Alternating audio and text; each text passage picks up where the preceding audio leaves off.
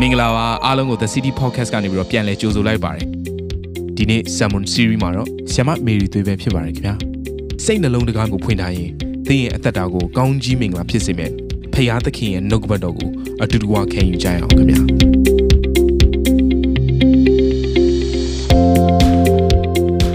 အားလုံးနေကောင်းကြလားနေကောင်းတယ်ဆိုရင်ယေရှုပြုပြီးတော့ comment မှာ ကျွန်တော်နေကောင်းပါတယ်ကျွန်မနေကောင်းပါတယ်ဆိုပြီးတော့ comment မှာရေးပေးပါအောင်နော်အကယ်၍သင်ကနေမကောင်းမှုဆိုရင်လည်းဘုရားရဲ့ချမ်းသာခြင်းတကူတော်ယခုပင်သင်အပေါ်မှာတက်ရောက်ပါစေဘုရားရဲ့ချမ်းသာခြင်းသာမကဘဲနဲ့ညီသက်ခြင်းကောင်းခြင်းမင်္ဂလာနဲ့ကွယ်ကာခြင်းကလည်းမိသားစုပင်တယောက်စတိုင်းပေါ်မှာတက်ရောက်ပါစေအခုလိုခေရင်ဆိုးရုပ်တဲ့ကာလမှာ တကယ်ကိုဖះကိုချစ်လျက်တစ္ဆာရှိစွာအဖြစ်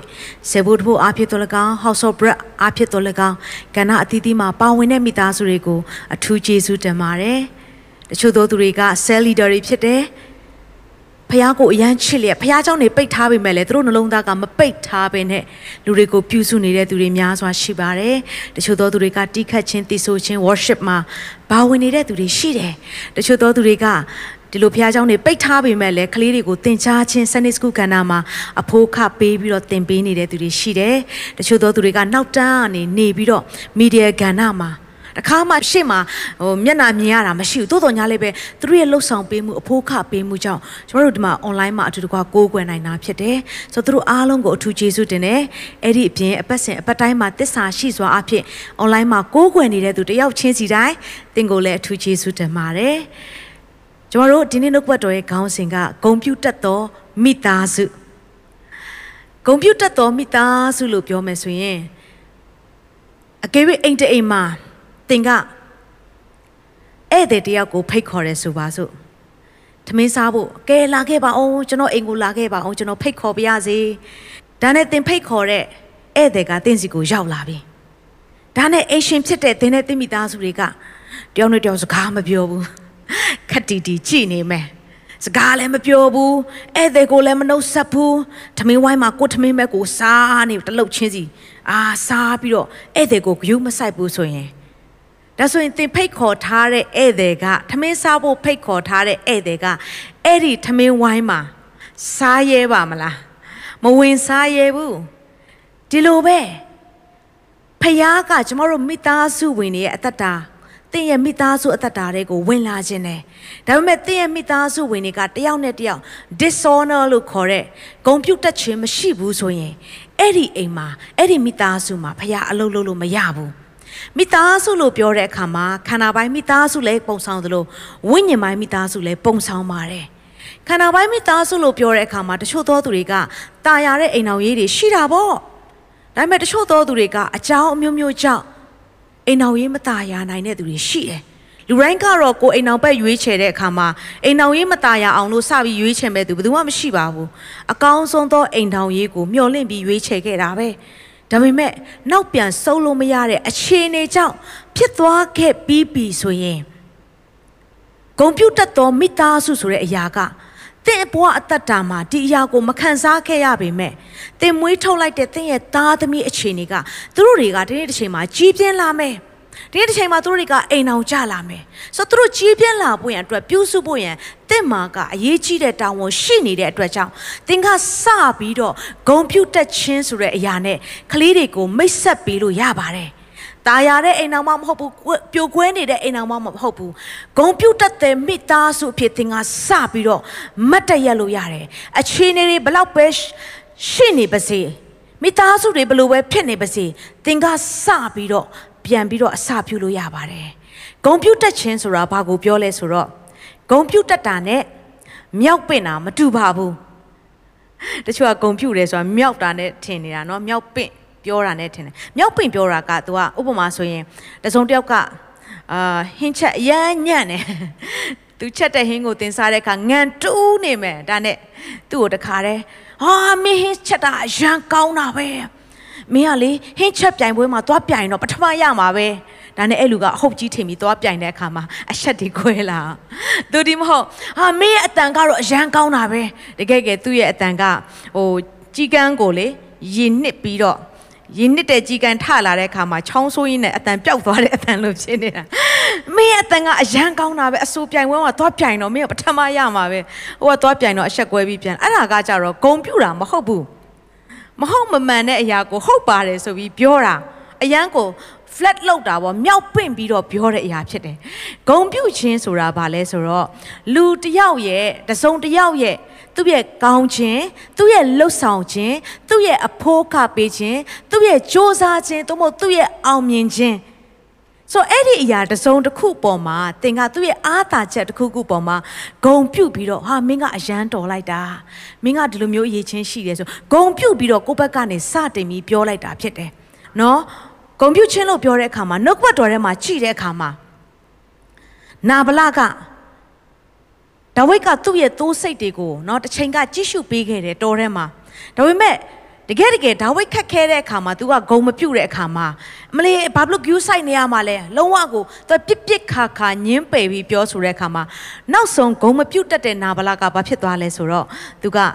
နော် နောက်ဆုံးမှာသူအရက်အလွန်ကျွံတောက်ပြီးတော့နိုးလာတဲ့အခါမှာသူ့ရဲ့ဇနီးတဲ့အဘိဂဲလာကပြောတဲ့အခါမှာချက်ချင်းပဲသူနှလုံးရက်ပြီးတည်သွားတယ်။ဂုံမပြုတ်တက်ခြင်းအကျိုးကျေးဇူးကြောင့်သူ့ဘဝ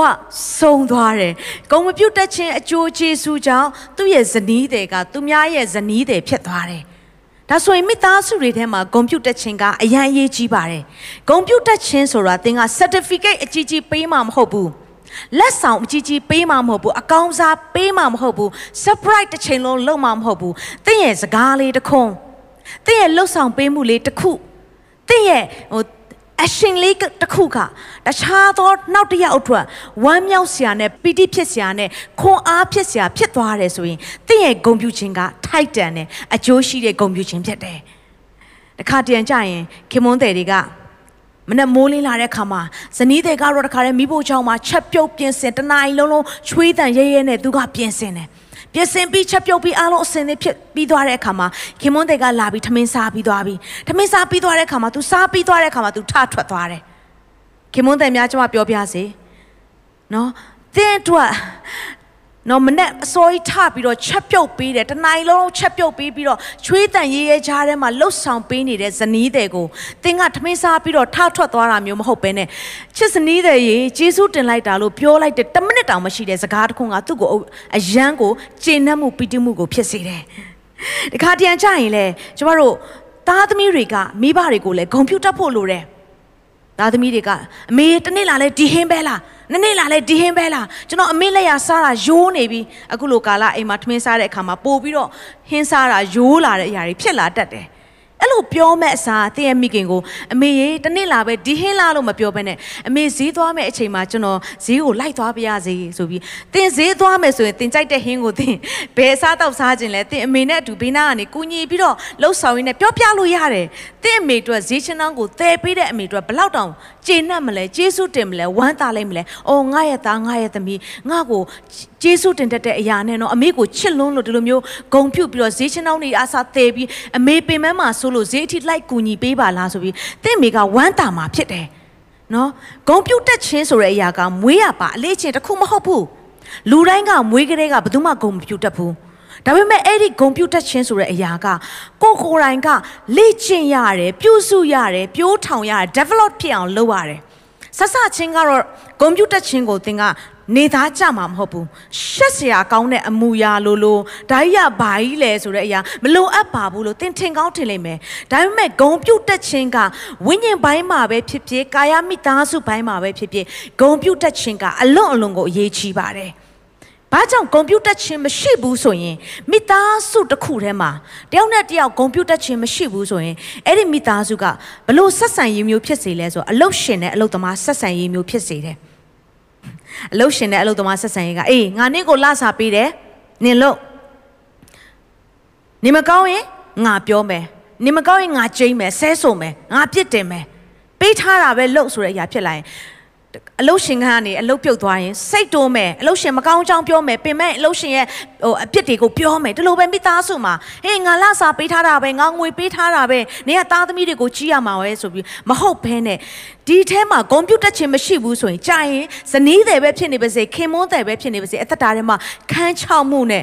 လှုပ်ဆောင်ရတဲ့အရာကမေတ္တာမရှိတော့ဘဲနဲ့တယောက်နဲ့တယောက်ပြစ်တင်မှုတွေဆွဆွဲမှုတွေတယောက်နဲ့တယောက်ညှူဆူမှုတွေပဲထွက်လာတယ်မေတ္တာတွေခန်းချောက်လိုက်မယ် right attitude တွေမဖြစ်လာတော့ဘူးဒါကြောင့်ဂုံပြူတက်ခြင်းမရှိတဲ့မိသားစုသည်အလုတ်ရှင်အလုတ်သမားဆက်ဆံရေးဖြစ်တယ်ဒီလိုပဲဂုံပြူတက်ခြင်းမရှိတဲ့အသင်းတော်ပဲဖြစ်ဖြစ်အလုတ်ကိုင်းနေမှာပဲဖြစ်ဖြစ်ပြင်ပအလုတ်မှာပဲဖြစ်ဖြစ်ဂုံပြူတက်ခြင်းတအိုးနဲ့တအိုးမရှိဘူးဆိုရင်တယောက်နဲ့တယောက်ကြားမှာဝေဖန်ပြစ်တင်ခြင်းတွေကပဲပို့ပြီးတော့ပွားများလာမှာဖြစ်တယ်ဒါကြောင့်မိသည့်ကဏ္ဍပဲလှုပ်ဆောင်နေပါစေမိသည့်ကဏ္ဍမှာသင်ပါဝင်နေပါစေဂုံပြူတက်ခြင်းကအလွန်လုံးပဲအရေးကြီးပါတယ်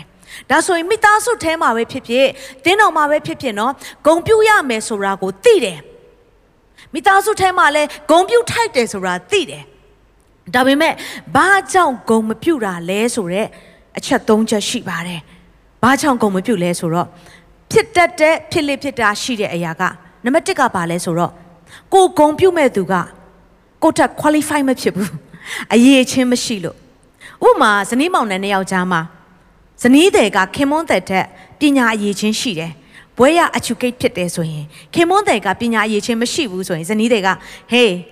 ငါကနှစ်ထက်ပညာရှိတယ်ငါကနှစ်ထပ်ပိုသိတယ်ငါကနှစ်ထပ်အင်္ဂလိပ်စာမှာကောတခြားကဏ္ဍမှာကောပို့ပြီးတော့ဘ ഹു တုတကျွယ်ဝတယ်ဒါကြောင့်နင်ကငါပြောတဲ့အတိုင်းလုပ်ရမယ်ငါစကားနားထောင်မယ်ဒီလိုမျိုးပြန်ပြောတာမျိုးမကြိုက်ဘူးဆိုတဲ့အရာတွေဖြစ်လာတတ်တယ်ဒီလိုပဲခင်မွန်းတိုက်ကပို့ပြီးတော့ educate ဖြစ်တယ်ပညာရှိတယ်အရေးချင်းရှိတယ်ဇနီးတွေကအရေးချင်းမရှိဘူးဆိုရင်ဇနီးတွေကိုဖိနှိပ်မှုတွေဖြစ်တတ်တယ် နောက်ဆုံးဘလောက်ထိဖြစ်လဲဆိုတော့ခင်မွန်းတဲ့ရဲ့မိသားစုတွေတဲကိုခေါ်သွားမယ်ဆိုရင်အဲ့ဇနီးတွေကပညာအရေးချင်းမရှိတဲ့အတွက်ကြောင့်မလို့အတန်းပညာအရေးချင်းမရှိတာပဲဖြစ်ဖြစ်ခင်မွန်းတဲ့လောက်မတော်တာမတက်တာပဲဖြစ်ဖြစ်သူခမမျက်နှာငယ်လေးနဲ့အဲ့ဒီမိသားစုအတိုင်းဝိုင်းထဲမှာမျက်ရည်မျက်ခွက်နဲ့ဖြတ်သွားရတဲ့ဖြတ်တန်းသွားလာရတဲ့သူတွေရှိတယ်ကိုထက် qualify မဖြစ်တဲ့အခါမှာဂုံမပြုတ်ချင်တော့ဘူးနံပါတ်1တစ်ချက်ကဘာလဲဆိုတော့ဘလို့ဘာကြောင့်ဂုံမပြုတ်ချင်လဲဆိုတော့ကိုဖြတ်တန်းလာတဲ့မိသားစုတွေထဲမှာ တယောက်နဲ့တယောက်ဂုံပြုတ်ခြင်းတွေမရှိလို့မိဘကသားသမီးကိုဂုံမပြုတ်တဲ့အရာတွေဥပမာတင်းရဲ့မိသားစုမှာတင်းကဖြတ်တန်းလာတဲ့ခါမှာတင်းကပညာရေးမှာစာညံ့တဲ့သူတယောက်ဖြစ်တယ်ဆိုပါစို့တင်းမှာဆောင်းမွဲကြဘူးတယ်ပညာရေးမှာသူများရေလောက်ညံမကောင်းဘလောက်ချက်ချက်တင်းက မေ့လွယ်တယ်မရနိုင်ဘူးဆိုရင်အကယ်၍တင့်ရဲ့မိသားစုထဲမှာတစုံတစ်ယောက်ကစာအရန်တော်နေတယ်ဆိုရင်ဧည့်သည်လာတဲ့ခါမှာမိဘကဟေးကြည့်ပါဦးဒီငါရဲ့ဒီသမီးကစာအရန်တော်တယ်ဒါပေမဲ့ဒီသမီးကတော့စာညံ့လိုက်တာဆိုတဲ့အရာတွေပြောတဲ့အရာတွေတော်တဲ့သူကိုအရန်ချီးမွမ်းပြီးတော့ညံ့တဲ့သူကိုဖိနှိပ်လိုက်တဲ့အရာတွေက ညံ့တဲ့သူရဲ့နှလုံးသားထဲမှာမိဘကငါ့ကိုချစ်တာချစ်တာဆိုတဲ့အရာကတော်ချင်းမတက်ချင်းပေါ်မှာမူတည်နေပါလားဆိုပြီးတော့သူ့ကိုဂုံပြုတ်ချင်းမခံရတဲ့အခါမှာမိသားစုရဲ့မေတ္တာကိုမခံစားရဘူး။အော်ငါကအတုံးမကျတဲ့သူပါပဲ။ငါကအလကားပါပဲ။ငါကအချီးနှီးပါပဲ။ငါကငါ့ကိုဘယ်သူမှဂုံပြုတ်ဖို့မထိုက်တန်တဲ့သူပါပဲ။ငါကအတုံးမဝင်တဲ့သူပါပဲလို့သူ့ကိုသူခံစားစေတယ်။ဘာကြောင့်လဲဆိုတော့သူဖြတ်တန်းလာတဲ့မိသားစုမှာသူ့ရဲ့အရေးချင်းညံ့ဖျင်းမှုကြောင့် နော်မိသားစုတွေကတခါမှဂုံပြုတ်ခြင်းမခံရဘဲနဲ့ဖိနှိမ်မှုတွေကိုအမြဲခံရတဲ့အတွက်ကြောင့်ဖြစ်တယ်။ဒါကြောင့်ကိုဖြတ်တန်းလာတဲ့မိသားစုမှာလည်းနော်ဂုံပြုတ်ခြင်းမခံရတဲ့အတွက်ကြောင့်ကိုချီးပြင်းလာတဲ့ခါမှာလည်းသူတစ်ပါးတွေကိုဂုံပြုတ်ဖို့ရန်အတွက်မပြောတတ်တော့ဘူး။ကိုကိုယ်တိုင်မှမခံစားရတာဘယ်လိုပြောတတ်မလဲ။တချို့သောသူတွေကြတော့အဲ့လိုမဟုတ်ဘူး။နံပါတ်3အမျိုးအစားကဘယ်လိုလဲဆိုတော့ကိုယ့်ရဲ့မိသားစုထဲမှာနော်ကိုယ့်ရဲ့မိဘတွေပဲဖြစ်ဖြစ်မိသားစုထဲမှာပဲဖြစ်ဖြစ်ပုံသက်တွေမကောင်းလို့ တာဝန်ယူမှုမချေလို့ဂုံမပြုတ်တတ်တော့ဘူးကျမဒီကျန်းစာကျောင်းမှာသင်ကြားရေးတစ်ခုမှာအဲ့နေရာ subject ကပါလဲဆိုတော့ဒီ children နဲ့ပတ်သက်တဲ့ child psychology ဘာသာရပ်တစ်ခုကိုကျမသင်တယ်သင်တဲ့အခါမှာအဲ့ထဲကနေပြီးတော့ကျန်းစာကျောင်းသားတယောက်ကထပြီးတော့မိတယ်သူတို့ရဲ့ဒီတနင်္လာရီတိုင်းဘက်မှာပေါ့သူတို့ဘက်အချမ်းမှာပေါ့မိဘကတဲ့နော်အဖေကအရက်တောက်လာပြီးဆိုရင်ဘလောက်တောင်သွေးဆိုးလဲဆိုတော့ခလေးကို နေပူထဲမှာနော်နေပူထဲမှာနေပူကျဲတောက်ထဲမှာအဲ့ဒီတစ်ပင်ပေါ်မှာကျိုးတုပ်ပြီးတော့ခလေးကိုရိုက်တာအချက်ပေါင်းများစွာရိုက်တာရေလည်းမတိုက်ဘူးဆိုတော့အဲ့ဒီလိုမျိုးမိဘရဲ့လှုပ်ဆောင်မှုနာကျင်မှုတွေဖြစ်လာတဲ့အခါမှာခလေးကဘလို့မှမိဘကိုဂုံမဖြုတ်နိုင်တော့တောင်းဝမချေတဲ့မိဘမြစ်တာကင်းမဲ့တဲ့မိဘဆိုပြီးသူကတတ်မှတ်လာတယ် နော်တချို့သောသူတွေကဇနီးတဲ့ကိုနော်ဟိုဇနီးတဲ့ရဲ့နောက်ွယ်မှာဖောက်ပြန်မှုတွေရှိတယ်ဆိုတော့ဘလို့မှဂုံမပြုတ်နိုင်တော့ဘူးဇနီးတဲ့အနေနဲ့ဘလို့မှပုံသက်တွေမကောင်းတာဂုံမပြုတ်နိုင်တော့ဘူးအဲ့လိုမျိုးတွေရှိတယ်တချို့သောမိသားစုတွေမှာကြတော့ခင်မွန်းတဲ့ကိုဇနီးတဲ့တွေကဂုံမပြုတ်တတ်ဘူးဥပမာခင်မွန်းတဲ့ကအရှိမတက်သေးခံတယ်နှုတ်ဘတ်တော်ဝင်ငှတယ်သူမဖះကောင်းမြတ်ချောင်းပြောတယ်ဒါပေမဲ့ဇနီးတဲ့ကကိုယ့်ရဲ့ခင်မွန်းတဲ့တက်သေးခံနေတဲ့အရာကိုချိပြီးတော့ကိုကဒီကနေပြီးတော့အားပေးရမယ့်အရာဖြစ်မဲ့အစား ခါတဲ့နောက်ွယ်မှာဟာအလကားပါသူရှောက်ပြောနေတာအမလေးအလကားပါသူကအိမ်မှာအဲ့လိုမဟုတ်ပါဘူးရှောက်ပြီးတော့တခြားသူရှေ့မှာကိုယ့်ရဲ့ခင်မွန်းတဲ့ရဲ့မကောင်းချောင်းကိုဖောက်တယ်ချနေမှာတော့ခင်မွန်းတဲ့ကဘလို့ဖြစ်လို့အရှိထွက်ရဲတော့မလဲခင်မွန်းတဲ့ကဘလို့ဖြစ်လို့ဖះကောင်းမြတ်ချောင်းနေသူတက်တည်ခံရဲတော့မလဲ ဒါကြောင့်မိသားစုတစ်ခုထဲမှာဂုံပြုတ်တဲ့အခါမှာနော်ပုံသက်တွေမကောင်းတဲ့အခါမှာလဲဇနီးတဲ့သို့မဟုတ်ခင်မွန်းတဲ့သို့မဟုတ်သားသမီးသို့မဟုတ်မိသားစုမိဘတွေထဲမှာဂုံမပြုတ်တဲ့အရာတွေများစွာရှိလာတယ်နှုတ်ကပတ်တော်ထဲမှာကြည်တဲ့အခါမှာယာကုပ်ကလေအာကိုဂုံမပြုတ်လေအာရဲ့မျက်လုံးကတောင်တလုံးမြောက်တလုံးဒီဘက်ကြည့်ဟိုဘက်ရောက်တယ်ဟိုဘက်ကိုကြည့်ဒီဘက်ပြန်ရောက်တယ် तू မချစ်ဘူးဒါပေမဲ့လေအာအရန်ယာကုပ်ကိုချစ်တယ် သူ့ကိုအရန်အတိမဲ့ပြုတ်ပါစေတော့ဆိုတဲ့နှလုံးသားသူ့မှာရှိတယ်သူစဉ်းစားတယ်ငါကလေးများမွေးပေးကလေးများတယောက်ပြီးတယောက်မွေးရင်ယာကုပ်ကငါအပေါ်မှာပိုချစ်လာမလားဒါနဲ့ तू တယောက်မွေးတယ်ယာကုပ်များချစ်မလားနှစ်ယောက်မွေးတယ်ယာကုပ်များချစ်မလားတယောက်ပြီးတယောက်တယောက်ပြီးတယောက်မွေးတယ်ဒါပေမဲ့ယာကုပ်ယာကုပ်ကသူ့ရဲ့အချစ်ကလေးအမှာမရှိဘူးယာခေလမှာပဲရှိတယ်ဆိုတော့ဘာဖြစ်လဲဆိုတော့ဂုံပြုတ်ခြင်းမခံရတဲ့လေအားရဲ့သားသမီးတွေက နော်ယာခေလရဲ့သားဖြစ်တဲ့ယောသက်ကိုမကျေနပ်ဖြစ်တဲ့နောက်ဆုံးမှလှုပ်ကြံတဲ့အထိဖြစ်လာတယ်မိသားစုထဲမှာဂုံပြုတ်ခြင်းမရှိတော့ဘူးဆိုရင်အသွေးအသားပင်ဖြစ်လင်ကစားစိန်ကားမှုတွေရက်ဆက်မှုတွေနဲ့ကြမ်းကြုတ်မှုတွေဖြစ်လာတယ်အတွေးခေါ်တွေမှားယွင်းမှုတွေဖြစ်လာတယ်ဒါကြောင့် spirit of honor ဂုံပြုတ်တတ်တဲ့စိတ်ဝိညာဉ်ကကောင်းကင်နိုင်ငံရဲ့ယဉ်ကျေးမှုဖြစ်တယ်ကောင်းကင်ရဲ့အလေအထဖြစ်တယ်ကောင်းကင်နိုင်ငံသားရဲ့လက္ခဏာလည်းဖြစ်တယ် ဒါဆိုရင်မိသားစုထဲမှာ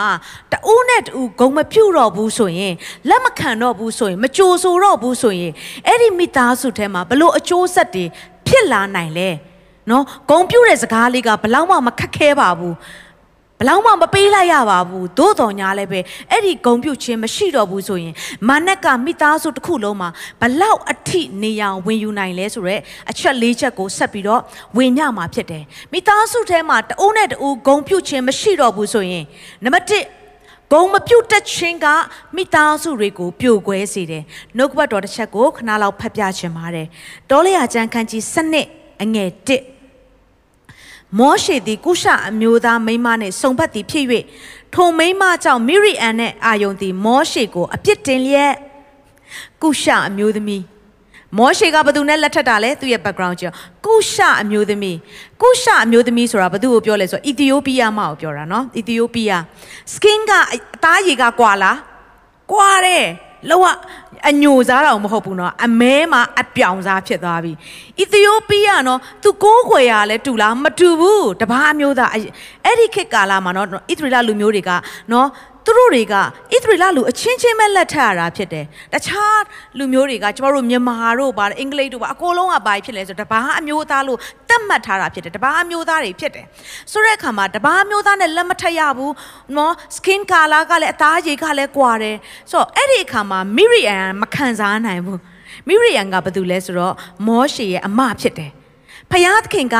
မောရှေရဲ့အကိုဖြစ်တဲ့နော်ဒီအာယုံကိုဖယားကရစ်ပရောဟိတ်အရာ၌ဗိသိက်ပေးထားတယ်ဖယားသူ့ကိုအသုံးပြုတယ်မိရိအန်ကိုကြတော့ worship leader အဖြစ်ဖယားသူ့ကိုဗိသိက်ထားတယ်မောရှေကိုကြတော့ prophet အဖြစ်ဖယားကဗိသိက်ထားတယ်ဆိုတော့မောင်နှမ၃ယောက်စလုံးကဖယားကအကြီးကြီးမားမားဗိသိက်ထားတဲ့သူတွေပဲဆိုတော့မိရိအန်ကမချေနှက်တော့ဘူး ဘာကြောင့်ဒီလောက်အသားရည်ကွာခြားတဲ့သူကိုလက်ထက်တာလဲငါမောင်ကဘာကြောင့်တဘာအမျိုးသမီးနော်ကုရှာလို့ခေါ်တဲ့အီသီယိုးပီးယားကိုမှလက်ထက်တာလဲ तू မချေနဲ့တော့ဘူးဒါနဲ့ तू ဘာစလုပ်လဲဆိုတော့မောရှေကိုအပြစ်တင်လာတယ်သူအပြစ်တင်လိုက်သူ့ရဲ့နှလုံးသားထဲမှာလေအော်မောရှေရေမင်းကိုမှဖះစကားပြောတာမဟုတ်ဘူးဟမ်အမဖြစ်တဲ့ငါ့ကိုလည်းဖះစကားပြောနိုင်တယ်ဖះအိမ်မက်ပေးနိုင်တယ်ယူပါယုံပေးနိုင်တယ်ဗျာတိတ်ပေးနိုင်တယ်မင်းတယောက်တည်းမှမဟုတ်ပါဘူးဆိုတော့ပုံကံမှုတွေစဖြစ်လာတယ် ဒါပေမဲ့မိရိယံမသိလိုက်တဲ့အချက်ကပါလဲဆိုတော့ဖယားကမိရိယံကိုစကားပြောပေမဲ့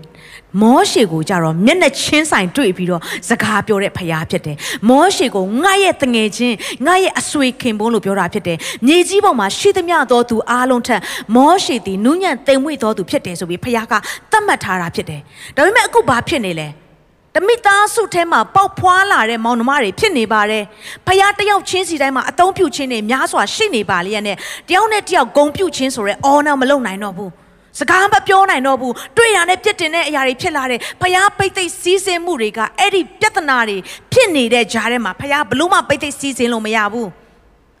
။အပြစ်မြင်လာရင်စကားများလာတယ်နော်။စကားများလာရင်ပိတ်သိမ့်မစီးစင်းတော့ဘူး။ပိတ်သိမ့်မစီးစင်းရင်ဖယားဘုံထင်ရှားမယ်ထင်လား။ မထင်ရှားဘူးဒါနဲ့ဖယားသခင်ကအယံအမျက်ထွက်တယ်အေးမောရှေတို့ကကျန်တဲ့သူတွေအကုန်လုံးကတဲတော်အပြင်ကိုထွက်ဓမ္မဟောင်းခေတ်ကာလမှာဖယားကစကားပြောရင်တဲတော်ထဲမှာစကားပြောတယ်အခုဖယားကစကားပြောဖို့ရန်အတွက်တဲတော်ထဲမှာမရွေးချယ်တော့ဘူးတဲတော်အပြင်ကိုရွေးချယ်တယ်ဘာကြောင့်လဲသိလား တဲတော်ထဲမှာငါကျင်းဝတ်မဲ့နေရာကပျိုကွဲနေမှာတော့အဲ့ဒီနေရာအရက်ကိုငါဘလို့စိုးဆန်လို့ရမှာလဲပျိုကွဲခြင်းဖြစ်လာပြီးတယောက်နဲ့တယောက်မညီညွတ်တော့ဘူးဆိုရင်ဖယားလဲတဲတော်ထဲမှာမနေချင်တော့ဘူးဘာနဲ့သွားတူလဲတလားကားကသိန်းထောင်ကျော်ရန်ကားစီးပြီးတော့အထဲမှာ gas မရှိတဲ့ကားနဲ့တူတယ်စီမရှိတဲ့ကားနဲ့တူတယ်ကားကတော့သိန်းထောင်နဲ့ပေးရပါတယ်အထဲမှာစီမရှိတဲ့အခါမှာဘလောက်ကောင်းတဲ့ကားဖြစ်နေပါစေမောင်းလို့မရဘူး ဒီလိုပဲဘလောက်ကောင်းတဲ့အိမ်ဖြစ်နေပါစေဘယ်နှထက်တိုက်ပဲဖြစ်နေပါစေတယောက်နဲ့တယောက်ထဲမှာမချင်နှက်မှုတွေနဲ့ခွင့်မလုံမှုတွေနဲ့တယောက်နဲ့တယောက်ကြားထဲမှာရန်ညိုးရန်စားရှိမယ်စကားတွေများနေမယ်ဆိုအဲ့ဒီအိမ်ကမင်္ဂလာရှိတဲ့အိမ်မဟုတ်တော့ဘူးဒါကြောင့်မိသားစုများဖခင်ကဘာလုပ်လဲတဲတော်အပြင်ထွက်အဲ့ဒီတဲတော်အပြင်မှာငါစကားပြောမယ်တဲတော်အပြင်မှာဖခင်ကမိရိယန်ကိုဘလို့ဆုံးမလိုက်လဲဆိုတော့နှူသွားတယ်နောက်ဆုံးမှာ နှူသွားတယ်ဖခင်ဆုံးမခြင်းရောက်လာတဲ့အခါမှာနှူသွားတယ်တယောက်နဲ့တယောက်ဂုံပြုတ်ခြင်းမရှိတော့တဲ့အခါမှာ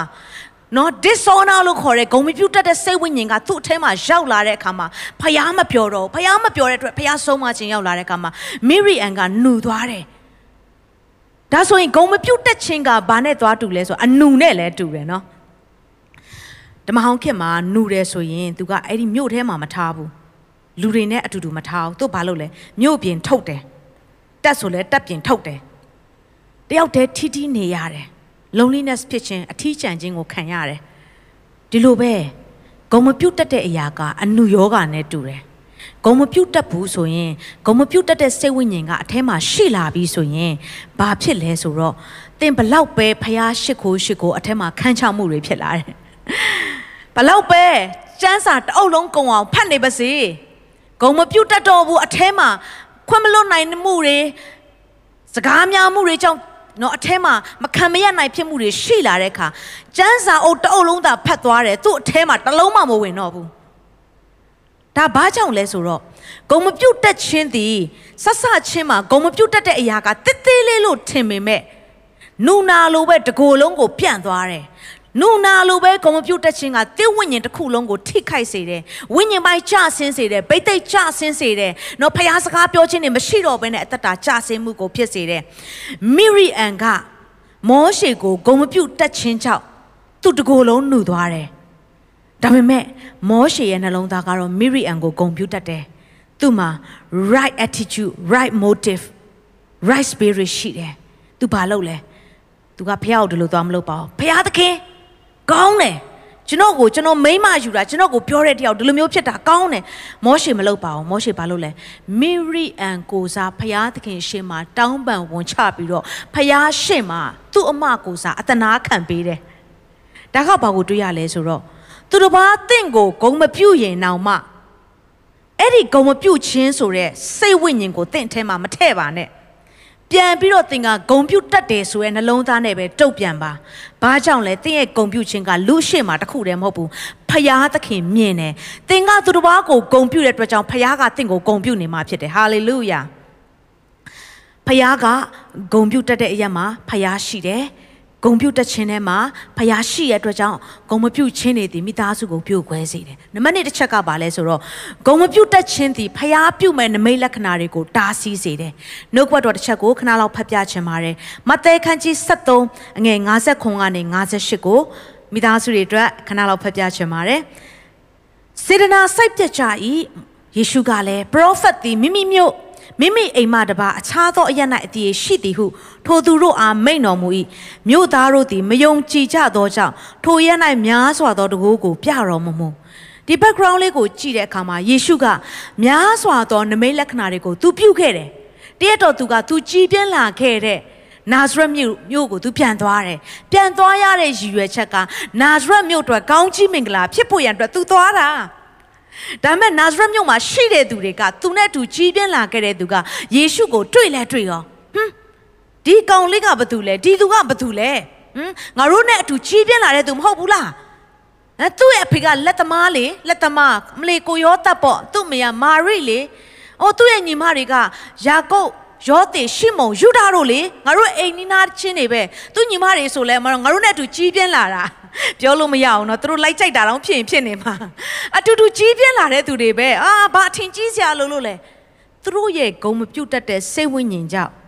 ယေရှုကတကူးတကနာဇရက်မြို့ကိုနာဇရက်မြို့အထိရောက်လာတာတောင်မှဂုံမပြုတ်တတ်တဲ့စိတ်ဝိညာဉ်ကြောင့်အဲ့ဒီနေရာရမှာကြီးမားတဲ့နမိတ်လက္ခဏာ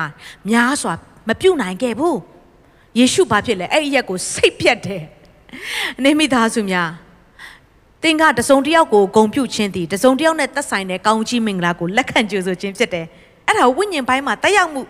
အကယ်၍သင်ကတစုံတစ်ယောက်ကိုညှင်းဆိုလိုက်ခြင်းသည်အဲ့ဒီတစုံတစ်ယောက်နဲ့သက်ဆိုင်တဲ့ကောင်းချီးမင်္ဂလာကိုငါမလိုချင်ပါဘူးလို့ပြောလိုက်တာ ਨੇ အတူတူပဲအခုလဲနာဇရက်မြို့ကသူတွေကယေရှုကိုကြိုးဆိုရမယ်ဆိုရင်အဲ့ဒီကြိုးဆိုခြင်းကောင်းချီးမင်္ဂလာကသူတို့တသက်လုံးမချမ်းမာခဲ့တဲ့ဝေဒနာတွေပျောက်မဲ့နေနော်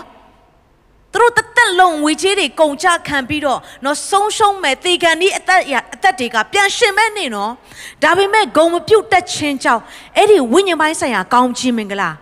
တကိုးတော်တွေကသူတို့မှမစည်းစင်းလာတော့ဘူးဒါကြောင့်နော်သူတို့မြင်တဲ့အသွေးအသားပဲမြင်နေတဲ့အရာအစားဝိညာဉ်မျက်စိနဲ့မြင်တတ်ရမယ် ဂုံပြုတ်ကြိုဆိုခြင်းသည်ကိုဂုံပြုတ်သောသူရဲ့ကောင်းချီးမင်္ဂလာကိုလက်ခံကြိုဆိုခြင်းသူနဲ့သက်ဆိုင်တဲ့နမိတ်လက္ခဏာကောင်းချီးမင်္ဂလာတကိုးတော်ကိုချိတ်ဆက်လိုက်ခြင်းလည်းဖြစ်တယ်။ဒါကြောင့်မဿဲခန်းကြီး30ငယ်47မှာ prophet ၏မျက်နာကိုထောက်၍ prophet ကိုလက်ခံတော်သူသည် prophet ၏အကျိုးကိုခံရလက်တတ်။ ဖြောက်မတ်သောသူ၏မျက်နာကိုထောက်၍ဖြောက်မတ်သောသူကိုလက်ခံသောသူသည်ဖြောက်မတ်သောသူ၏အကျိုးကိုခံရလက်တံဂုံပြုတ်တတ်ခြင်းသည်လက်ခံကြိုဆိုခြင်းဖြစ်တယ်လက်ခံကြိုဆိုခြင်းသည်ဖျားပြုမဲ့နမိတ်လက္ခဏာကိုမြင်ရခြင်းဖြစ်တယ်တခါတန်ကြရင်အသင်းတော်မှာတစုံတစ်ယောက်ကကိုယ့်ထက်အရေးချင်းရှိတယ်ကိုယ့်ထက်တော်တယ်ကိုကတော့နှစ်ပေါင်းများစွာအသင်းတော်မှာဆက်ကပ်ခဲ့ပါတယ်ဒါပေမဲ့တစုံတစ်ယောက်ကကိုယ့်ထက်တော်တယ်အရေးချင်းရှိတဲ့အခါကျတော့တင်းအောင်ဆရာက ကိုစောင့်ဆိုင်နေတာကိုကိုတော့မတုံးပဲနဲ့နောက်ကနေပေါက်လာတဲ့နော်အဲ့ဒီသူကိုဖယသူကအသေးဦးဆရာကတုံးသွားတဲ့အခါမှာကိုကခံစားရခတ်နေတယ်အဲ့ဒီသူကိုမင်းကတော်လိုက်တာကွာလို့မပြောနိုင်တော့အဲ့ဒီသူကိုမင်းကအတန်ရန်ကောင်းတာပဲမပြောနိုင်တော့ဘူးအဲ့ဒီသူကမင်းကအရေးချင်းရှိလိုက်တာမပြောနိုင်တော့ဘူးဘာဖြစ်လဲတလားနောက်ွယ်မှာနောက်ကွယ်အကြံပေးမှုတွေများလာတယ်နောက်ွယ်အကြံပေးမှုဆိုတာနောက်ွယ်အတင်းပြောတာကိုပြောတာပါ အာအဲ့သူပေါ့ဆရာကကြည့်ပါလားမျက်နာလိုက်တာလေအဲ့ဒါမျက်နာကြည့်ရဟင်းဖက်ပါလို့ခေါ်တယ် တခါလေတင်းဟုတ်ဆရာကိုပြောတာဝေးဖန်တာဝေးဖန်တာအဲ့ဒီသူကိုလည်းစကားမပြောတော့ဘူးအဲ့ဒီသူနဲ့သက်ဆိုင်တဲ့သူစ조사စ조사သမျှအရာအားလုံးကိုလည်းအနှုတ်နဲ့ပဲကိုကပြောင်းပြန်နေပြန်လုပ်တယ်ကိုအဖွဲတစ်ဖွဲဖွဲ့ပြီးတော့အဲ့ဒီသူကိုနာနာကျင်ကျင်ပြောတယ်ကျင်ဖယ်ထားတယ်ဂယုမဆိုင်ဘူးနော်မကောင်းတဲ့တင်းတွေကိုပြောလိုက်တယ်ဒါနဲ့အသင်းတော်ကတိုးတက်သလားဆိုတော့မတိုးတက်ဖဲနဲ့အဲ့ဒီအသင်းတော်ထဲမှာချစားသလိုလိုက်စားနေတဲ့ဂုံမပြုတ်တက်ခြင်းစိတ်ဝိညာဉ်ကြောင့်အသင်းတော်ကကြီးထွားတဲ့တဲ့လောက်မကြီးထွားဘဲနဲ့ရက်တက်နေတယ် နော်တိုးတက်တဲ့တော့မတိုးတက်ဘဲနဲ့ရက်တက်နေတယ်ဒါကြောင့်အသင်းတော်ထဲမှာလဲတူးနဲ့တူးဂုံမပြုတ်တက်ခြင်းတူးနဲ့တူးမနာလိုခြင်းနော်တူးနဲ့တူးနော်သူ့ကိုကျေးဇူးတင်ကြောင်းမပြောနိုင်ခြင်းမျက်နှာချင်းဆိုင်မချိနိုင်ခြင်းတွေကဆွဲချစရာတွေဖြစ်တတ်ပါတယ်ဒါကြောင့်ဒီအရာတွေကဖျားပေးတဲ့အရာမဟုတ်ဘူး မနဲ့ပေးတဲ့အရာတွေဖြစ်တယ်။ဒါကြောင့်မာနနဲ့သက်ဆိုင်တဲ့အရာတွေကိုကျမတို့ကညင်းပယ်ဖို့ဖြစ်တယ်။တင့်ရဲ့အတွင်းဝိညာဉ်ကိုပြင်ဆင်ပါ။ तू ဘလောက်ပဲတော်တော်တင့်ရဲ့နှလုံးသားကိုဖွင့်ထားပေးလိုက်ပါ။နော်အကယ်၍တင့်မှာအရေးချင်းရှိလို့သူတို့ကညင်းပယ်တယ်ဆိုရင်လည်းအဲ့တိုင်းတင်မတုတ်ပြန်ပါနဲ့။တင့်ရဲ့နှလုံးသားကိုနော်အယောင်ဆွန်းခြင်းလုံးဝမခံမိပါစေနဲ့။ဟာလေလုယာ။ဒါကြောင့် အသင်းတော်မှာပဲဖြစ်ဖြစ်အမှုတော်ဆောင်လုပ်ငန်းမှာပဲဖြစ်ဖြစ်ညီကိုမောင်နှမကြားတွေမှာပဲဖြစ်ဖြစ်ဂုံပြုတ်တက်ခြင်းဆိုတဲ့အရာကဖျားပြုမဲ့နမိတ်လက္ခဏာကိုကြိုဆိုခြင်းဖြစ်ပါတယ်နံပါတ်3အချက်ကဘာလဲဆိုတော့ဂုံမပြုတ်တက်ခြင်းကြောင့်မိဘရဲ့ကောင်းချီးမင်္ဂလာတွေကိုလက်လွတ်ဆုံးရှုံးရတယ်နှုတ်ကတော်တစ်ချက်ကိုဖတ်ပြချင်ပါတယ်ကပ္ပဦးကျမ်းခန်းကြီး9ငယ်22ခါနန်ဤအဘဟာမသည်မိမိအဘ၌အဝတ်ချီးစီးရှိသည်ကိုမြင်လင်ပြင်မာရှိသောအကိုနှစ်ယောက်ကိုပြောလေ၏ ဒီအကြောင်းအရာရဲ့ background လေးကိုကြည့်တဲ့အခါမှာရက်40ပတ်လုံးနော်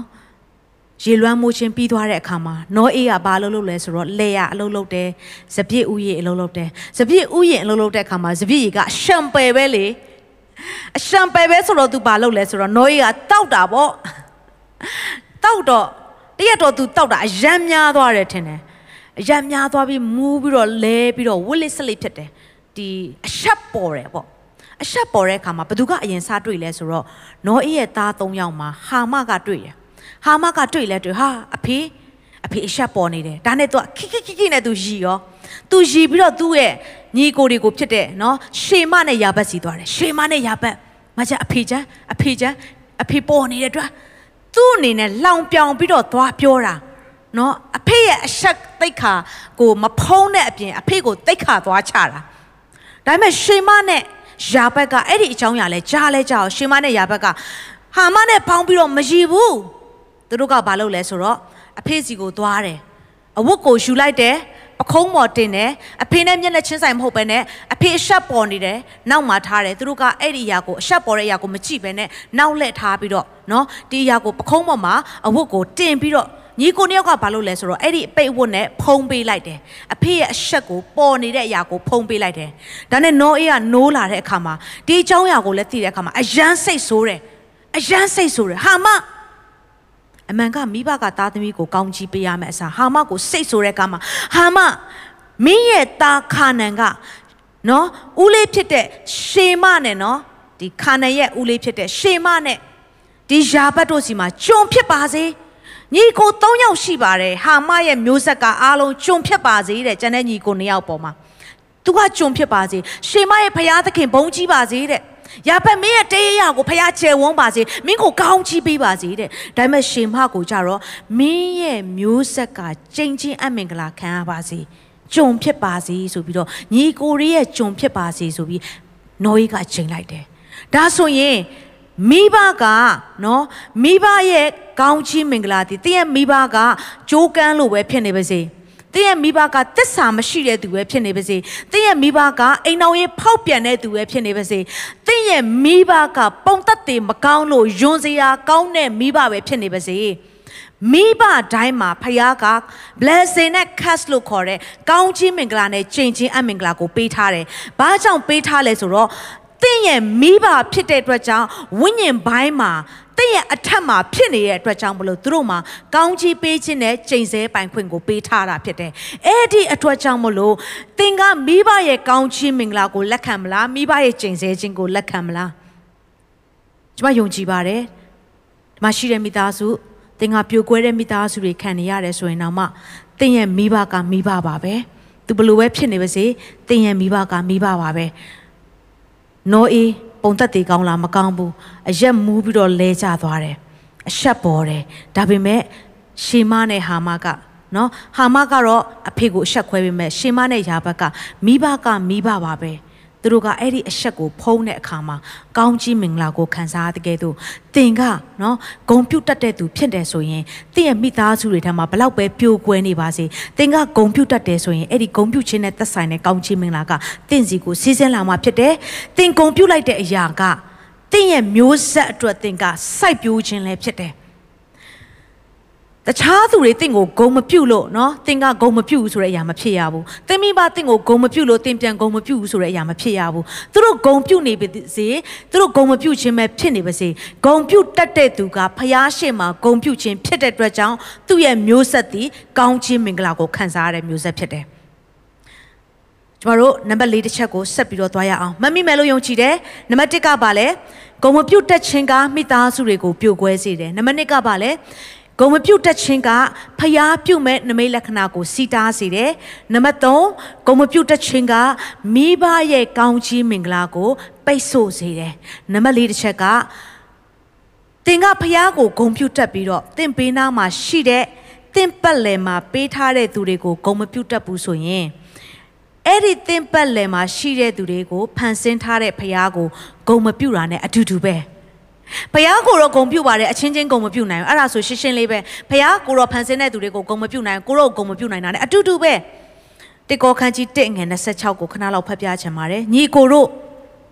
သင်တို့ကိုခေါ်တော်မူခြင်းအကြောင်းအရာကိုဆင်ခြင်လော့ခေါ်တော်မူသောသူတို့တွင် လောကီပညာရှိများမပါထင်ရှားသောလူကြီးများမပါမင်းမျိုးမင်းနွယ်ဖြစ်သောသူအများမပါဒီထဲမှာကြည့်တဲ့အခါမှာဖျားခေါ်တဲ့သူတွေက ထင်ရှားတဲ့သူအများမပါဘူးတဲ့မင်းမျိုးမင်းတွေအများမပါဘူးတဲ့နော်ပညာရှိအများမပါဘူးဒီလိုပြောလိုက်လို့တချို့ကအေးဖះကလေပညာရှိတွေကိုပယ်ထားတာသိလားမဟုတ်ဘူးနော်ထင်ရှားတဲ့သူတွေကိုပယ်ထားမဟုတ်ဘူးနော်သင်ကဂုံပြုတ်တတ်တယ်ဆိုရင်ပညာရှိပဲဖြစ်နေပါစေဘလို့ပဲဖြစ်နေပါစေဆင်းရဲနေသည်ပဲဖြစ်နေပါစေချမ်းသာနေသည်ပဲဖြစ်နေပါစေဖះကိုဂုံပြုတ်တတ်တယ်ဆိုရင်ကောင်းကြီးခံစားရတဲ့သူဖြစ်တယ်ဆိုတော့ဒီထဲမှာကြည့်တဲ့အခါမှာနော်ဖះဂုံပြုတ်တဲ့သူတိုင်းမှာအားနည်းချက်ရှိလားမရှိဘူးလားဆိုတော့ရှိတယ် ဘုရားချီးမြှင့်တယ်ခေါ်တော်မူသောအကြောင်းအရာကိုစင်ကျင်လို့ခေါ်တော်မူသောသူတွင် လောကီပညာရှိအများမပါဘုရားခေါ်တာပဲအားနဲ့ချက်ရှိလျက်နဲ့ဘုရားခေါ်လားခေါ်တယ်သူ့မှာချိုးရင်းချက်ရှိလျက်နဲ့ဘုရားခေါ်လားခေါ်တယ်သူ့မှာမပြည့်စုံမှုရှိလျက်နဲ့ဘုရားအသုံးပြုလားပြုတယ်ဖယားတောင်မှကျမတို့ကိုလက်ခံတယ်ဆိုရင်ဒီလောက်အပြစ်များတဲ့ကျမတို့ကိုဖယားတောင်လက်ခံတယ်ဆိုရင် သင်ကြည့်မရတဲ့သူသင်ကိုကြည့်မရတဲ့သူသင်ကိုဝေဖန်နေတဲ့သူသင်ရှိမှပုံသက်တင်မကောင်းတဲ့သူသင်ထက် qualify မဖြစ်တဲ့သူအရေးချင်းမမီတဲ့သူတဘွားတောင်လုံးမှာသင်ကိုနာကြီးခြင်းတွေကိုဖြစ်စေတဲ့သူတွေကိုဘာကြောင့်သင်ကလစ်လူရှုထားမှလဲသင်ကုံမပြုတ်ရင်တော့မှဂုံမပြုတ်တက်ခြင်းဆိုတဲ့စိတ်ဝိညာဉ်ကိုသင်ရဲ့အထက်မှာမထက်တတ်ဖို့ရန်အတွက်အရေးကြီးတယ်ဒါပေမဲ့သင်ဂုံပြုတ်တယ်ဆိုရင်တော့သင်ကတာဝေးအောင်မြင်တော့သူဖြစ်တယ် ဟာလေလုယာဒါကြောင့်အသင်းတော်မှာငါနဲ့မတူလို့ငါရန်သူလို့မတတ်မှတ်ပါနဲ့တခါတရံကြရင်ကိုကဒါလုပ်ချင်တယ်အားလုံးကဒါလိုက်လို့မှဒါမလိုက်လို့ဘူးဆိုရင်မချေနဲ့တော့ဘူးတယောက်နဲ့တယောက်ကအားနေချက်တွေမတူသလိုအားသာချက်တွေလည်းမတူဘူးသူ့ရဲ့အားသာချက်ကိုမြင်ပြီးတော့ကိုက reset လုပ်တတ်ဖို့လိုအပ်တယ်ငါးတကောင်ကိုဘယ်တော့မှတစ်ပင်တက်ဖို့မသင်ပေးပါနဲ့တဲ့ငါးတကောင်ကိုခြေထဲမှာတာပြီးကူတက်အောင်ပဲသင်ပေးဖို့လိုအပ်တယ်သူ့ရဲ့ အားတာချက်ပေါ်မှာကိုကြည့်ပြီးတော့သူ့ကိုဂုံပြူတက်ဖို့ရန်အတွက်လိုအပ်တယ်။ဒါကြောင့်ကျမတို့မြင်နေတဲ့အမြင်က85ရာခိုင်နှုန်းကလူတစ်ယောက်ကအနှုတ်နဲ့ပဲမြင်တယ်သူတွေတည်းရဲ့ research အရ85ရာခိုင်နှုန်းကအနှုတ်မြင်တယ်25ရာခိုင်နှုန်းပဲအပေါင်းမြင်တဲ့အတွက်ကြောင့်မလို့အဲ့ဒီ25ရာခိုင်နှုန်းအပေါင်းမြင်တဲ့အရာကိုတာ၍ဂုံပြူခြင်းအဖြစ်သွားမယ်ဆိုရင်သင်ဟာဂုံပြူတက်တဲ့သူတစ်ယောက်ဖြစ်လာလိမ့်မယ်။ဒါကြောင့်သူတို့ဘာဂုံပြူတဲ့အထိမဆောင်ပါနဲ့။အော်ငါ့ကိုဘယ်သူများဂုံပြူမလဲမဆောင်နဲ့။ တင်ကိုယ်တိုင်စပြီးဂုံပြုပါဒါကြောင့်ဒီအချက်လေးချက်အားဖြင့်ကျွန်မခွန်အားပေးခြင်းနဲ့ဂုံမပြုတ်တက်ခြင်းကမိသားစုတွေကိုပြုတ်ကွဲစေတယ်ဂုံမပြုတ်တက်ခြင်းကဖျားပြုတ်မဲ့နမိတ်လက္ခဏာကိုစီတားစေတယ်ဂုံမပြုတ်တက်ခြင်းကြောင့်မိဘရဲ့ကောင်းချီးမင်္ဂလာတွေကိုလက်လွတ်ဆုံးရှုံးစေနိုင်တယ်ဂုံမပြုတ်တက်ခြင်းကတင့်ဘေးနာကလူတွေကိုဂုံမပြုတ်ခြင်းကဖန်ဆင်းရှင်ဖျားကိုဂုံမပြုတ်တာနဲ့အတူတူပဲဖြစ်တယ်ဒါကြောင့် dishonor လို့ခေါ်တဲ့ဂုံမပြုတ်ခြင်းတွေဖြစ်လာပြီဆိုရင် disrespect လို့ခေါ်တဲ့เนาะတယောက်နဲ့တယောက်ယိုတင်မှုတွေကင်းမဲ့လာမယ် ဂုံမပြုတ်တက်ခြင်းကြောင့်ယူသိမှုတွေကင်းမဲ့လာတယ်အဲ့ဒီ disrespect ကနေဘယ်လိုဖြစ်လဲဆိုတော့ dishonor to family မိသားစုထဲမှာဂုံမပြုတ်နိုင်တဲ့အရာတွေဖြစ်လာမယ် dishonor to family ကနေ dishonor to people အခြားသောသူတွေကိုဂုံမပြုတ်နိုင်တဲ့အရာတွေကိုဖြစ်လာတယ်ဒါကြောင့်ခန္ဓာပိုင်းမှာပဲဖခင်တင်ကိုပေးထားတဲ့မိသားစုသားမကဝိညာဉ်ပိုင်းမှာပေးထားတဲ့မိသားစုကိုပါသင်ဟာဂုံပြုတ်တတ်တဲ့အလေးထားကိုစတင်ပြီးတော့ဒီနေ့မှာပြုစုပါ ကိုကိုဂုံပြုတ်မဲ့အထိမဆောင်ပါနဲ့သူတို့ကကိုစတင်ပြီးဂုံပြုတ်ပါသူကိုကိုဂုံမပြုတ်ရင်တော့မှကိုကဂုံပြုတ်ခြင်းစိတ်ဝိညာဉ်ကိုစတင်ပြီးလေ့ကျင့်ပြိုးထောင်ပေးတဲ့သူဖြစ်တယ်ဒါကြောင့်ဂုံမပြုတ်တဲ့ခြင်းကနူနာလိုပဲဖြစ်တယ်နူနာယောဂါကတိတိလေးပင်မဲ့အထင်မသေးပါနဲ့တကူလုံးကိုပြတ်နေတယ်လို့ပဲဂုံမပြုတ်တဲ့ခြင်းကစကားလေးတစ်ခုံးပါပဲတိတိလေးပါပဲမလိုအပ်ဘူးလို့မထင်ပါနဲ့အဲ့ဒီຢာကဝိညာဉ်တစ်ခုလုံးကိုနော်တိုးတက်ခြင်းနဲ့ကြာဆင်းခြင်းကိုအဆုံးဖြတ်ပေးတဲ့အရာလည်းဖြစ်နိုင်တယ်ဒါကြောင့်မိသားစုများ အာကျွန်မဒီနေ့လက်တွေ့လှုပ်ဆောင်ချင်ပါတယ်ဒါကြောင့်တင်တစ်ဘေးနားမှာရှိတဲ့သူပဲဖြစ်ဖြစ်နော်တင်းအတွက်တင်းရဲ့ဝိညာဉ်အသက်တာမှာပြုစုပေးတဲ့သူပဲဖြစ်ဖြစ်တင်းဝိညာဉ်အသက်တာကိုဆွဲခေါ်ပေးတဲ့သူပဲဖြစ်ဖြစ်တင်းရဲ့မိသားစုထဲမှာပဲဖြစ်ဖြစ်မိဘပဲဖြစ်ဖြစ်ညီကိုမောင်တို့ပဲဖြစ်ဖြစ်ဇနီးတဲ့ပဲဖြစ်ဖြစ်ခင်မွန်းတဲ့ပဲဖြစ်ဖြစ်သားသမီးပင်ဖြစ်လင်ကစားသူတို့ကိုဂုံပြုစကားလေးပြောရအောင်နော်အဝေးမှာရှိတယ်ဆိုရင် message လေးပို့ရအောင်ဖုန်းလေးခေါ်ပြီးသူတို့ကိုစကားပြောပါဂျေစုရမ်းတင်တယ်ငါဘွားရဲ့ဒီလိုအခြေအနေခက်ခဲတဲ့အခါမှာ ဒီဒီစကားလေးတစ်ခုကငါအတွက်ဂုံပြုစေတယ်ငါဒီလိုခက်ခဲတဲ့အချိန်မှာမင်းရဲ့အားပေးလိုက်တဲ့အရာမင်းရဲ့ကူညီပေးလိုက်တဲ့အရာကငါဘဝမှာပြန်ပြီးတော့မတ်တရက်လာနိုင်တယ်ကျေးဇူးအများကြီးတင်တယ်ကွာတငယ်ချင်းသို့မဟုတ်ကျေးဇူးအများကြီးတင်တယ်အမေကျေးဇူးအများကြီးတင်တယ်အဖေဆိုပြီးတော့ပြန်ပြီးတော့ဂုံပြုရအောင်ကိုယ့်ရဲ့လုပ်ငန်းထဲမှာပဲဖြစ်ဖြစ်မိသားစုထဲမှာပဲဖြစ်ဖြစ်အလုပ်ကိုင်ထဲမှာပဲဖြစ်ဖြစ်ဂုံပြုတတ်တဲ့စိတ်ဝိညာဉ် spirit of honor ကိုပြန်လဲပြီးတော့ကျမတို့လက်တွေ့ပြုစုပြောထောင်ကြရအောင်ဒါကြောင့်အာ မိခင်များနေဖခင်များနေမှာကိုကဂုံပြူတက်တဲ့အလေးကျင့်ဆိုရင်တော့ဖယ်လိုက်ပါနေ့တိုင်းမှာသူတော်ဘာကိုဂုံပြူတက်တဲ့အလေးကျင့်ကိုစတင်ပြီးမွေးမြူပါသင်ရဲ့ဂုံပြူလိုက်တဲ့စကားလေးတစ်ခွန်းကလို့တစုံတစ်ယောက်ရဲ့ အနာကိုတတ်တာစေတယ်။သင်ဂုံပြူလိုက်တဲ့စကားလေးတစ်ခွန်းကသူတို့ဘာအတွက်လက်လျှော့တော့မဲ့ဘဝကြီးကိုပြန်လဲပြီးတော့မတ်တရက်ဖွင့်အကြောင်းဖြစ်လာစေပါတယ်။ဒါကြောင့်ဂုံပြူတက်တဲ့မိသားစုဂုံပြူတက်သောသားသမီးဂုံပြူတက်တဲ့မိဘဂုံပြူတက်တဲ့ယုံကြည်သူညီကောင်မောင်တို့တယောက်စီတိုင်းဖြစ်ပါစေ။ရောက်စတိုင်းပေါ်ဖျားရှင်သားပြီးကောင်းချီးပေးပါစေ။ဒီအစီအစဉ်လေးအပြင်တင်းရဲ့အသက်တာမှာကောင်းကြီးဖြစ်မယ်ဆိုတာ ကိုကျွန်တော်ယုံကြည်ပါတယ်ဗီဒီယိုကြည့်ပြီးခံယူလို့သူများအတွက်အပတ်စဉ်တရားဟောခြင်းများ Bible Study ကြီးမွန်ကိုယ်ွယ်ခြင်းနဲ့အခြားသောအကြောင်းအရာတွေဟာတင်းအတွက်အဆင်သင့်ရှိနေပါတယ် YouTube မှာ The City Space TV လို့ရိုက်ထည့်လိုက်တဲ့အခါကျွန်တော်တို့ကိုတွေ့ရှိမှာဖြစ်ပါတယ် Subscribe လုပ်ခြင်းအပြင်တင်းနဲ့ထက်ချက်မကွာအမြင်ရှိနေပါပါဒါအပြင် Facebook မှာလည်း The City ရန်ကုန်လို့ရိုက်ထည့်လိုက်တဲ့အခါတည်င်းအချက်အလက်နဲ့ poster တွေကိုအချိန်နဲ့တပြေးညီတွေ့ရှိအောင်မှာဖြစ်ပါတယ်ခင်ဗျာ The City Podcast ကိုနားထောင်သူတိုင်း ဖျားသခင်ရဲ့ထူကြသောဖွင့်ပြချက်နဲ့ကောင်းကြီးမင်္ဂလာများခံစားမိကြောင်းကျွန်တော်ဆုတောင်းရင်ဤစီစဉ်လေးကိုဒီမှာပဲညှိနှိုင်း